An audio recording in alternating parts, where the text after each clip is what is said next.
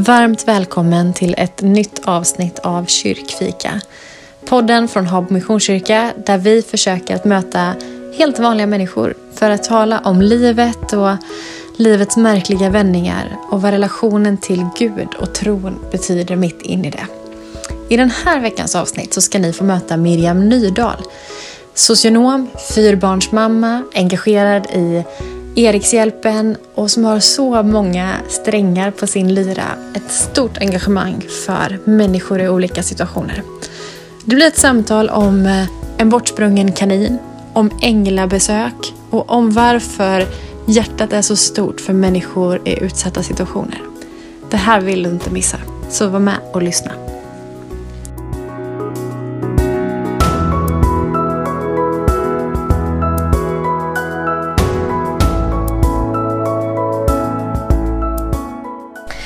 Välkommen hit Miriam. Tack. Kul att ha dig med här. Om du skulle få frågan eh, vem Miriam Nydahl är, Oj. vad skulle du svara då? Man får ju den frågan ibland, tänker jag, i olika sammanhang. Och, ehm, men jag tycker det är jättesvårt. Jag skulle nog vilja säga, eh, om det inte är jobbsammanhang, så skulle jag ju mer ta så här personliga saker. Att jag har fyra härliga ungar eh, tillsammans med Micke. Och eh, gillar djur och är ganska spontan och gillar när det händer saker. Mm. Ehm, jag är ju en person som gillar att... Um, har säkert någon som känner mig som inte håller med. Det är alltid Men- fara när ja, man har sådana här men samtal. precis. Nej, men jag gillar att lära mig saker och eh, gillar när det liksom egentligen inte riktigt går att göra men jag hittar en lösning ändå. Mm, just det. Lite problemorienterad. Ja, men eller lösningsfokuserad. Ja, just det. Precis. Det är ju mer positivt Ja. benämnt kanske. Nej men att se saker för det de kanske inte riktigt alltid är. Hitta möjligheter och men jag finner ibland inspiration av sådana människor som menar, olika grundare till stora rörelser som har börjat ganska litet i någon källare. Jag brukar säga det till mina barn ibland att det är, nu får alla lärare hålla för öronen.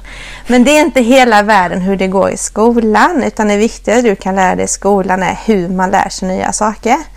För har man lärt sig det så kan man komma hur långt som helst men kanske inte via de vanliga vägarna. Men det finns ju en hel del saker som är stora som inte var meningen från början. Tänker på post-it-lappen. Jag menar, det var inte meningen att det skulle vara en post-it-lapp. Han höll på att forska fram ett nytt superstarkt lim. Testar det på en lapp, sätter upp den och lappen trillar av en stund senare och tycker det är ett fullständigt misslyckande.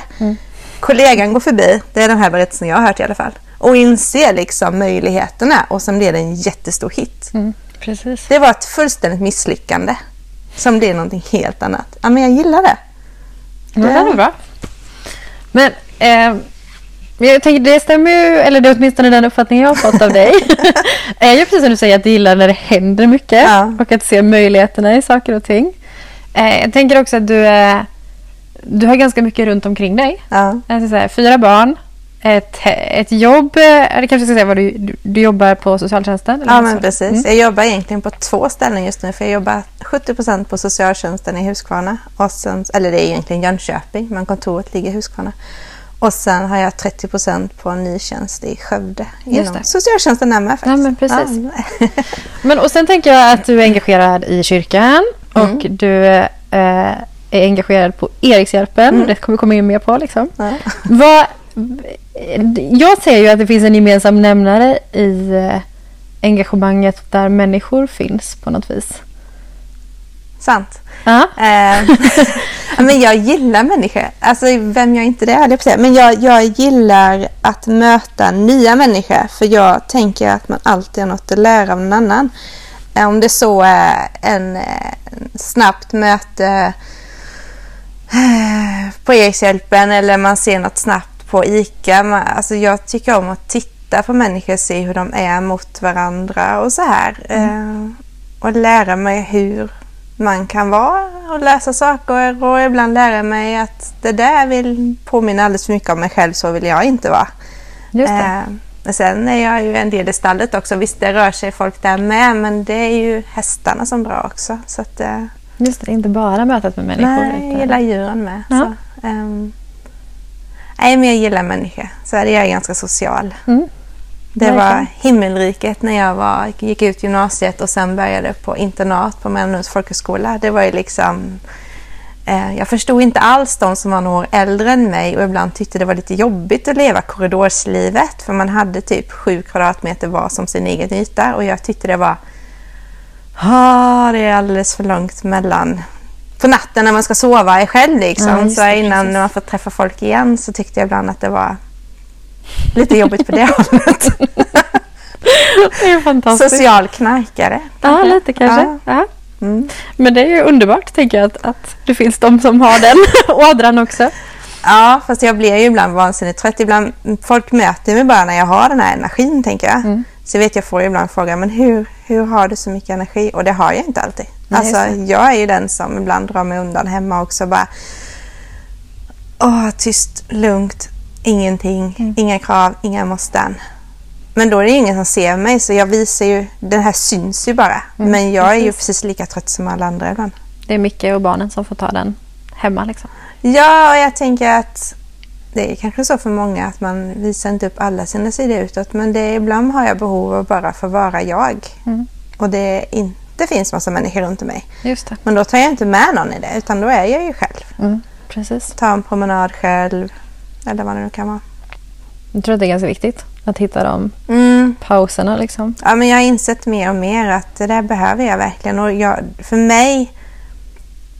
Alltså jag fattade inte riktigt när jag var ung att det kunde vara skönt att vara själv. Mm. Men det kan det vara kan jag tycka. Det kom efter korridorslivet där någonstans som det kanske Ja, ja, men det har nog kommit de senaste åren att jag har börjat inse att men jag måste pausa ibland. Jag har inte ehm, energi så det räcker till allt. Även om jag skulle vilja. Jag tycker det är vansinnigt kul att vara med folk också. Så att ibland så kör jag på lite för hårt. Mm. Så är det. Är lite för mycket överallt och glömmer bort mig själv. Just det. Ehm, typ jag ska kvinnofälla, tänker jag Ja, ibland. men det kan vara Man så. ska finnas överallt för alla. Och så Precis. tappar jag bort mig själv. Hur, eh, hur kommer det sig att, eh, ja, men att, att jobba inom socialtjänsten, att jobba med människor i ganska utsatta positioner, tänker jag att det är. Mm. Liksom. Vad är det i det som har lockat dig?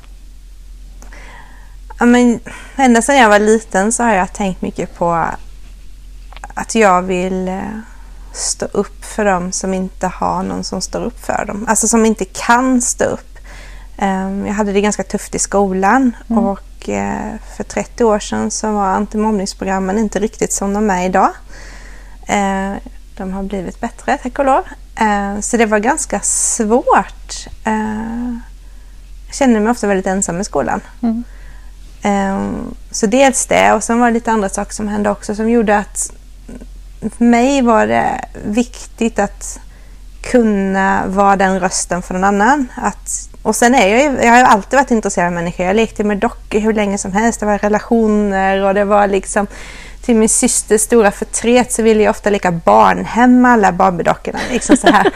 Och hon bara, nej men de ska inte ha så många barn. Nej men det är bara dagis och sen blev det visst barnhem ändå liksom. Just det. Så det har alltid varit mycket så här ta hand om mikt. Ehm, men sen valde jag faktiskt mellan att läsa till lärare och läsa till socionom. Jag visste inte riktigt hur jag skulle välja. Eh, sen föll det på att jag insåg att lära någon annan läsa, som är så otroligt viktigt inför hela livet. Kan du läsa så kan du ta det. Och, och ska jag vara ansvarig för att någon kanske inte kommer klara det? Nej tack. Det Ja, vill just inte det. jag vara ansvarig för. Jag tycker det är alldeles för viktigt för att jag skulle orka med. Ehm, Mm. Så det föll faktiskt på läsning. Ehm, Det är ganska spännande för jag kan ju tänka att, att det ändå känns som en lättare utmaning än, än att liksom jobba i de här riktigt svåra situationerna där man ja, men tar jag beslut om människors framtid. Liksom. Ja, fast där tänker jag någonstans att man... Ja, att om man gör någonting så blir det bättre än om man inte gör någonting. ja, just det. Och sen finns det ju på gott och ont så finns det ju inget rätt facit. Man vet ju inte ens ibland i efterhand om vi gjort annorlunda skulle det gjort skillnad. Så jag tänker man får göra sitt bästa. Mm. Och sen att jag hamnar på socialtjänsten det det halkar jag in på. Alltså det var inte så här jag ska bli social tant som jag tänkte utan jag vill finnas till hands för andra människor och få vara med en bit på livsresan. Alltså jag tycker det är något som ger mig jättemycket. Jag, jag får möta starka människor. Um, jag lär mig jättemycket om andra och mig själv och det är väldigt ja, men det är vackert att få se andra människor hur de tänker och hur de hanterar olika situationer. Och, och även om det inte alltid är på så jättebra sätt så det är en enorm drivkraft i väldigt mm. många. Så det är en nåd där. Alltså jag tycker det är något jättefint. Mm. Men socialtjänsten som institution kan man ju ha åsikter om och det har ju jag också. precis. Ja, men och det kanske många har som har varit i kontakt med dem också. Ja, eller så. ja men, men precis. Så är det alltid med myndigheter. Ja. Så är det. Men det är, det är något väldigt fint att få möta människor. Mm. Och det är väldigt roligt. Ja, men och en superviktig funktion, tänker mm. jag. Eller liksom tacksamhet att vi har den funktionen i samhället och USA. Ja, jo, ja, men det tänker jag också. När man jämför hur det skulle vara utan den. Sen mm. finns det väl alltid tankar kring hur skulle man kunna göra det bättre. Men det, ja, men det precis. är en annan fråga. Är det här liksom, eller det här med att vilja hjälpa till, att vara, finnas till för de som inte har en egen röst på något vis. Är det är det anledningen till också ditt engagemang i Erikshjälpen eller hur kom det in i vad är det med Erikshjälpen? Som... Erikshjälpen, ja men det började egentligen när Moa, vår äldsta dotter, eh, hon är, fyller 14 nu, när jag var mammaledig med henne så hur var det nu? Jag kommer inte ihåg varför, men då började jag hjälpa till i den second handen som var innan det blev Erikshjälpen. Ja, just det. Här i Habo. Här i Habo. Mm. Eh, det var säkert någon snäll människa som tänkte på mig och bjöd in mig. Jag kommer faktiskt tyvärr inte ihåg.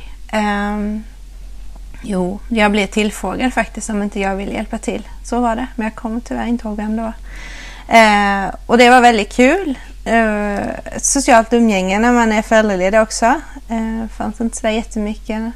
Familjecentraler då, öppna förskolor och sånt var liksom uppstarten lite, tror jag det var där någonstans.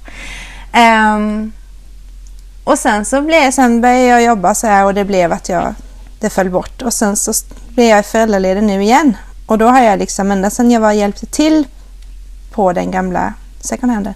Så jag tänkt, tänk när jag blir pensionär, då ska jag vara på en second hand. För att det är roligt folk, man får in roliga saker, man får träffa folk.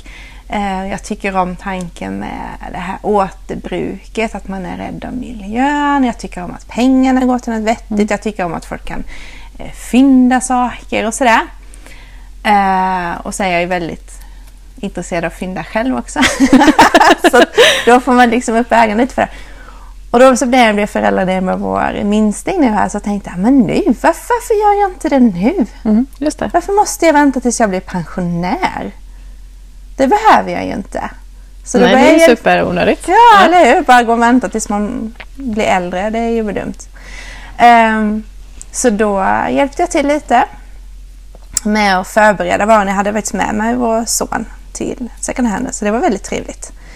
Uh, sen kom ju lilla corona och mm. uh, Hampus blev större och det blev svårare att hjälpa till att förbereda varorna inför att de skulle gå ut. Så då började jag hjälpa till när de hade öppet istället. Ja, just det. Och det var ju nästan ännu roligare. Alltså, man missar ju att träffa alla volontärer men de var ändå inte där på grund av corona. Det var ju många som var, alltså, inte mm. kunde eller fick gå dit. Liksom. Eh, så då fick jag ju träffa massa kunder och andra medarbetare som inte träffat innan och sådär. Mm, precis. Så det är många bitar. Men på ett sätt ett ganska nyupptäckt eh, ja, det är det. Liv. Liksom. Ja, ja, det är jätteroligt. Det är Sen superbra. är de ruskigt trevliga här i Habo måste jag säga. Så det... Dessutom, det, är, tips det, till alla. Liksom. Ja, men det, det, det kan låta så fint. Åh, du är volontär på Eriksson. Ja, men jag gör det enbart för min egen skull. Ja, just det. Det är inte så vackert kanske att säga, men det är ganska egoistiskt. Jag gör det för min skull. Och så tänker jag att det i sin tur får ge någonting positivt för andra. ja men precis, Nej, men jag tänker att eh, det är väl jättebra att det är andra saker också. Men ja, jag trivs och jag mår bra där. Mm. Och då är det kul att gå dit. Ja, precis. Så det, ja, ibland så bryter jag mig. Jag liksom, nej, nu Marie, nu var det för länge sedan jag kom. Nu behöver ni mig. liksom. Det är fantastiskt ja. bra. Så det, ja, men det är kul. Tycker jag. Jag tänker nu att ja, men så här, den, den Miriam som jag möter och som kanske ändå någonstans ibland speglar är ju en, en person som känns som att du är ganska trygg i dig själv och liksom tror på dig själv. Är det så eller har det, har det alltid varit så? Alltså i vissa sammanhang har jag alltid varit ganska trygg. Mm. Alltså, jag är ganska, jag har mina liksom rättesnören så här, det här tror jag på, det här är viktigt för mig. Um, men nej, jag är inte så trygg som det verkar. det är väl det snabba svaret. Nej, men jag har varit, jag menar tonåren var inte lätt. Det var mycket tvivel och långt upp jag menar även när barnen var små, hur är man tillräckligt bra mamma? Vad mm. finns, alltså vad, när, hur mycket ska man göra, hur långt ska man gå och liksom samhällets krav på en. Och, ja, men det finns perioder i livet när det verkligen har varit tufft. Mm. Så. Eh, sen har jag mer och mer, jag menar, hittat folk som hjälper mig. Både liksom jag privata vänner och, men även jobbkollegor. Mycket eh, även samtalskontakter jag haft där man har fått jobba med sig själv. Mm. Eh, och liksom inse att, men att vara Miriam med att vara Miriam med mina brister. Ja, just det. Eh, sen givetvis så vill jag ju att bristerna ska bli mindre men det är okej. Okay. Mm. Och att acceptera det är ju en ja. del av att bli starkare. Ja, jag. och jag tänker liksom när till och med, jag brukar tänka på det ibland liksom att åh, jag orkar inte med, jag tvivlar, jag, jag kan inte. Jag, jag menar till, jag brukar tänka på det som när Jesus hängde på korset. Att, jag menar, han uttryckte ändå ångest och förtvivlan. Han som är Gud klarade inte mm. att inte inte ha ångest över en sån situation. Visst, det är ju extremt, mm. det är det ju. Men han är ändå Gud och ändå uttrycker han ångest och förtvivlan och inför det, liksom ber att få slippa det. Då är det rätt okej att vara människa och inte mm. fixa allt. Ja men verkligen. Så jag försöker tänka på det när det är som svårast. Ja men till och med Jesus. Ja, och då är det faktiskt inte så konstigt. Mm. Nej, men det är egentligen en väldigt stark Guds bild. Liksom. att titta på hans tvivel. Ja, men precis. Även, ja. även han. Liksom. Ja. Vad, om man är ändå inne på det, liksom, vad betyder tron för dig? Har den alltid funnits där? Ja. ja. Um, vi har inte alltid varit överens. Nej, och Jesus. du och Gud. Ja, ja. Men jag tänker lite så här, tål inte Jesus att jag är arg på honom? Och att jag uttrycker mina tvivel och är riktigt upprörd, vad är det då att tro på? Om det inte håller för lite mm. äh, ångest och, och förtvivlan, då finns det ingen stabilitet i det. Det måste ju mm. hålla i alla lägen. Och det har det gjort. Mm. Alltså, jag vet inte vad det är som har gjort det, men jag är uppväxt inom Svenska kyrkan så det har ju funnits med liksom ända sedan jag var liten att en Gud finns och någonstans i tonåren så fick jag ju en egen relation och en egen tro. Och den är, den är ibland funderar jag på, men varför tror jag egentligen och så här. Och, men när det kommer till kritan så kan jag inte tänka mig något annat. Alltså det är, för mig är det, jag har svårt att förstå att hur kan man missa att det finns? Alltså jag har full respekt för att man får tycka olika. Vi pratar om det hemma, att, att man får tycka olika och i vissa länder tror man på detta och i vissa länder tror man på detta och i Sverige har vi förmånen att vi får tro på olika saker. Um, men jag har svårt att fatta att man inte känner att det alltid finns en gud. Mm. Just det. Så det, ja. Vi pratade lite innan här. eh, jag tänker du, och du har sagt det innan också vet jag vid några tillfällen att du har en ganska så krass gudsrelation. Ja, vis. men den är väldigt hands-on. Mm. Um, jag och min man, vi har lite olika... Ja, men olika alltså, väl, det är så tydligt att vi förhåller oss till det på lite olika sätt. För jag är väldigt så här... Men nu ber vi för det. Nu, och då lös. Alltså då på något sätt så löser det sig även om jag inte kan se lösningen direkt eller man får hjälp och man får stöd och så här. Och, uh, Micke han är lite mer så här, nej men Gud finns där och jag kan egentligen inte svara för exakt hur hans gudsbild ser ut men min är väldigt hands-onig, alltså verkligen påtaglig. Har någonting försvunnit till exempel um, så vet jag, jag känner mig trygg i att det kommer komma fram om jag ber om hjälp. Mm. Uh, och min svärmor hon är precis likadan. Mm. Uh, så det är liksom det finns i alla fall två av oss som alltid gör så. Funkar det? Ja, det gör det. Alltså mm. jag, jag försöker ibland tänka, finns det någon gång jag har bett att det ska komma fram? Och det vet jag inte. Alltså det, jag kan inte komma på det. det. Den roligaste berättelsen är ju när jag var kaninvakt eh, till en grannes kanin och den här kaninen var väldigt, väldigt omtyckt. Den var väldigt, väldigt söt och jag tyckte också väldigt mycket om den. Och kaninen rymmer. Eh, och jag bara, inte det bästa som kaninvakt liksom. Nej, nej, och om två dygn så kommer ägarna tillbaka. Ja. Och det är inte så att man ringer upp och säger Hej ni som är utomlands och har en väldigt skön avkopplande semester. Jag har tappat bort er älskade kanin. Mm. nej, nej, nej, nej. Eh, det finns inte på världskartan. Men jag var ganska cool. Ja, ja. Men jag vet ju att saker och ting alltid kommer fram så att jag behöver inte tänka så mycket mer på det och gick tillbaka några gånger under dagen. Och så kommer inte den här kaninen fram. Och då bara, ah, ja just det, just det. Jag har gode gud, hjälp mig hitta kaninen. Och jag liksom ser, jag får en bild av hur jag går längs med en av vägarna på Kråkeryd där vi bodde då. Bärandes på den här kaninen. Så jag kände, men det här, det kommer lösa sig. Jag kommer bära hem kaninen. Det är mm. lugnt. När det går några timmar så inser jag att nej, nu får vi dra till riktiga artilleriet. Så jag ringer upp min svärmor och säger så här läget. Du är likadan som jag. Nu måste du också be, för Gud har liksom, det har inte riktigt klickat in det här. Liksom. Det. Han är lite långsam nu. Ja, för ja. jag har en förväntan att det här är den dealen vi har. Mm. Jag är trygg i den.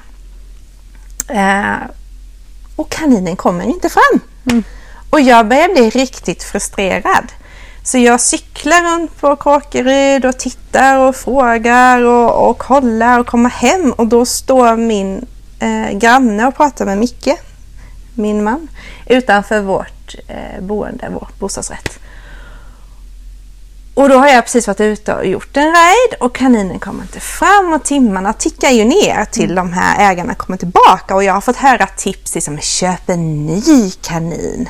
Och jag bara nej, inte riktigt så. Eh, nej.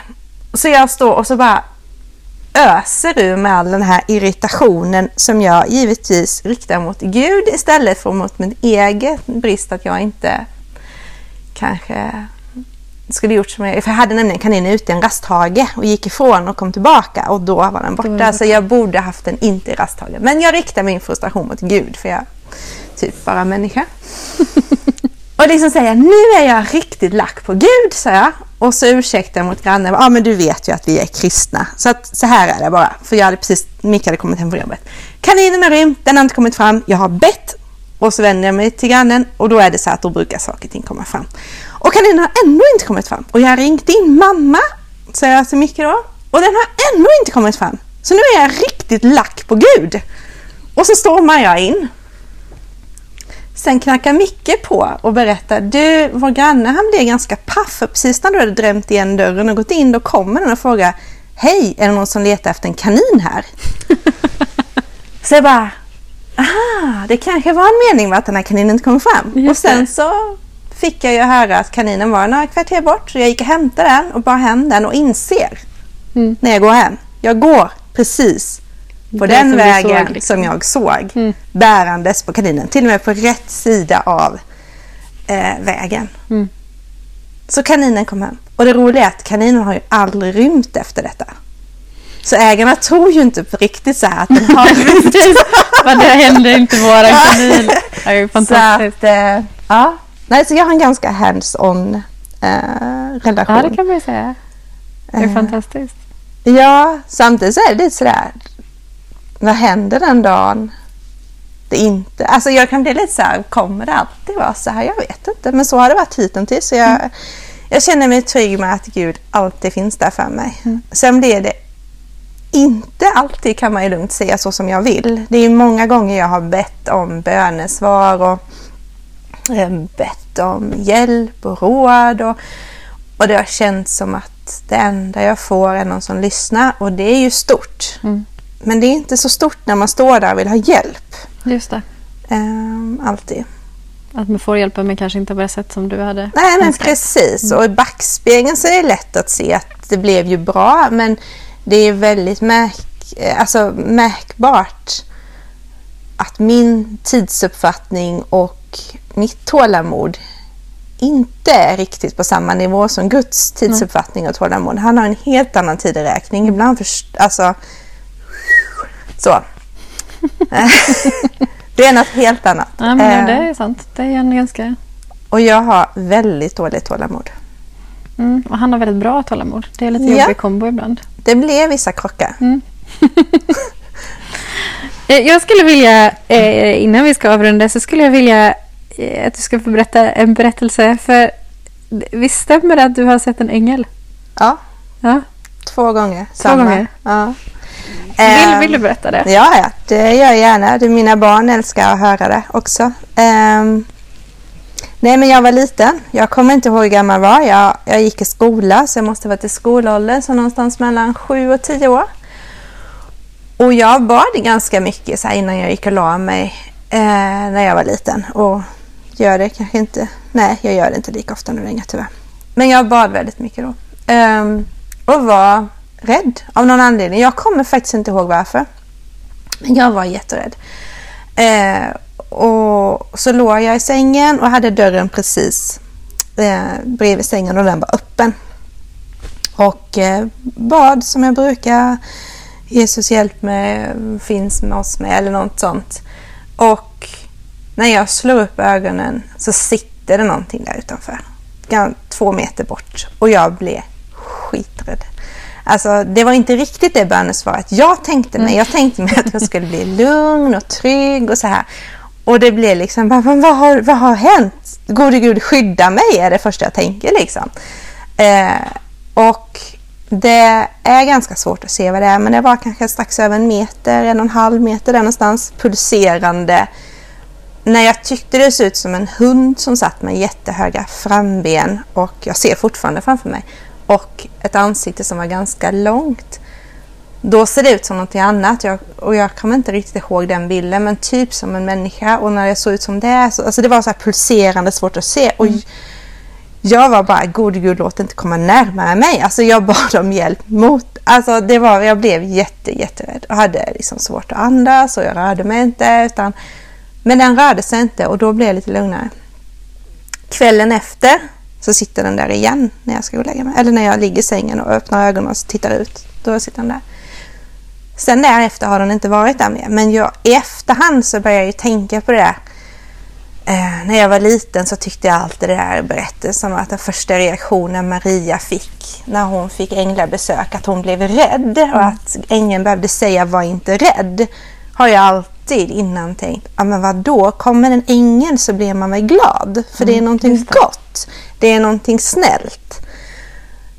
Men det är ju något gudomligt som kommer och mm. jag i min, i min mänsklighet och med mina brister, den, den skillnaden, alltså det är så gott så det blir stort så det blir skrämmande. Mm. Um, så jag har ganska stor respekt för alla som blir rädda för änglar. Mm. Och för det heliga liksom? Ja, men mm. verkligen. Att det är någonting annat och det är något så genomgått så att man inte riktigt mäktar med sig själv. Liksom. Mm. Det är för gott mm. på något vis. Alltså, um, men det, det, har gett mig rätt mycket trygghet att det finns änglar på riktigt. Och jag vet någon gång före eller någon gång efter så vet jag att jag låg i sängen och, och bad också och då hade jag ansiktet in mot, dörr, eller in mot väggen. Och då lös hela rummet upp. Så jag har ju tre gånger nu när jag tänker efter så är det ju...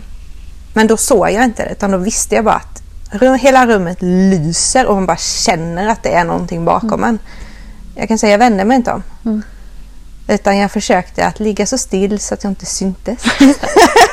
ja, men bara någon form av liksom gudomlig närvaro. Ja, mm. precis. Um, jag vet, jag testade med lampor och drog upp och ner rullgardiner för att kolla om jag kunde få samma effekt och samma ljussken och sådär. Uh, men nej. Mm. In, inte vad jag vet har jag inte mött änglar efter det. Men det betyder väldigt mycket för mig och det betyder fortfarande mycket för mig att det finns verkligen det finns någonting mycket, mycket större. Mm. Och jag tänker att det kanske också är därför som du kan ha en sån rotad gudstro på något vis. Ja, kanske. Mm. Jag vet inte.